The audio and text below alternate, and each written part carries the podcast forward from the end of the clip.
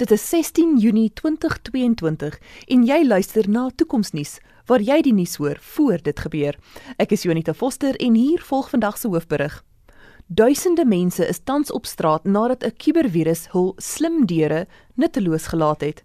Die My Data, My Reg of MRMD aktiviste groep het verantwoordelikheid aanvaar vir 'n virus wat hulle geloods het om toerusting wat gesigherkenning algoritmes gebruik te deaktiveer.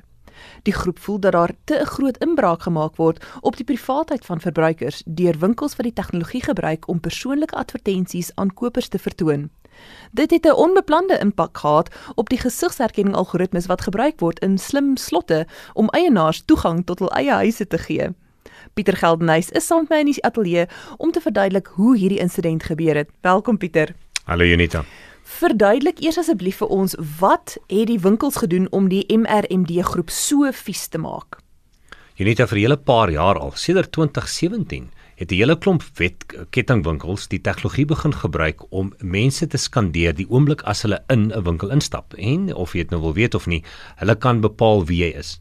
En deur te bepaal wie jy is en wat jou geskiedkundige aankope is en wat jou voorkeure is, verander hulle dan die adverteringsborde om jou te noop om miskien iets aan te koop. Dit is een ding om die gesigherkenning op jou foon te gebruik of om na jou deur te kyk om die deur te ontsluit. Ek dink dis iets anders as 'n ander maatskappy jou afneem en identifiseer en dan advertensies plaas afhangende van wie jy as individu is. Wat het daartoe gelei dat mense uit hul eie huise gesluit kan word? Ek sou dink dat daar een van 'n alternatiewe manier was om die stelsels te omseil. Jy net jy moet besef dat dit baie goedkoop geword het om jou huis te outomatiseer. 'n hele klomp Chinese maatskappye het huisautomatisasie toerusting baie goedkoop gemaak in die laaste paar jaar. En die groot voordeel is dat jy dit alles aan mekaar kan koppel en jy dit baie maklik via jou selfoon kan programmeer. Jy kan byvoorbeeld sê as die temperatuur onder 17 grade val in die winter, skakel my lugverkoeler aan of my verwarmer aan.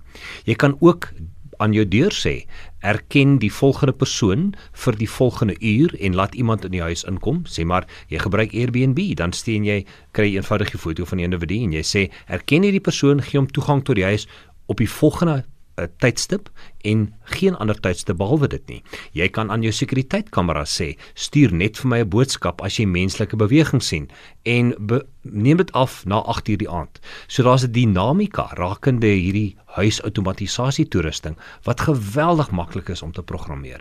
En jy kan baie waarde daaruit ontsluit. Jy kan byvoorbeeld sê, uh, as my watersensor onder my waterverwarmer iets optel, sny onmiddellik die krag sowel as die watertoevoer af. So 'n hele klomp mense het hulle huise begin outomatiseer teen 'n baie lae koste en een van hierdie produkte was natuurlik die slim deure.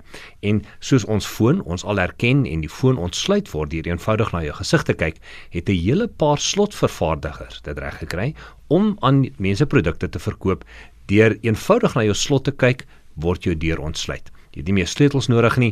Jy het nie bekommernisse dat jou sleutels gaan wegraak of gesteel word nie, want jou gesig is genoegsaam om dan jou deur te ontsluit. En die betroubaarheid van hierdie slotte was van so 'n aard dat iemand eintlik die spaarsleutel iewers binne hulle huise gelos het, omdat dit dag na dag so betroubaar is en elke dag werk.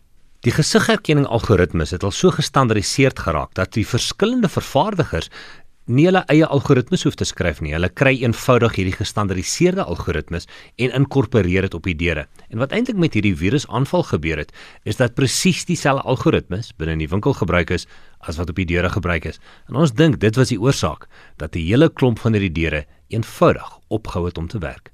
Dankie Pieter.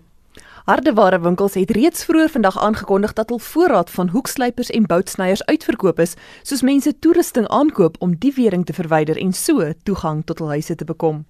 Dit was Pieter Geldenhuys en Jonita Foster vir Toekomsnuus waar ons die moontlikhede van die toekoms ondersoek. Vir meer inligting oor vandag se episode en ander tegnologieontwikkelinge, besoek gerus die Toekomsnuus Facebookblad.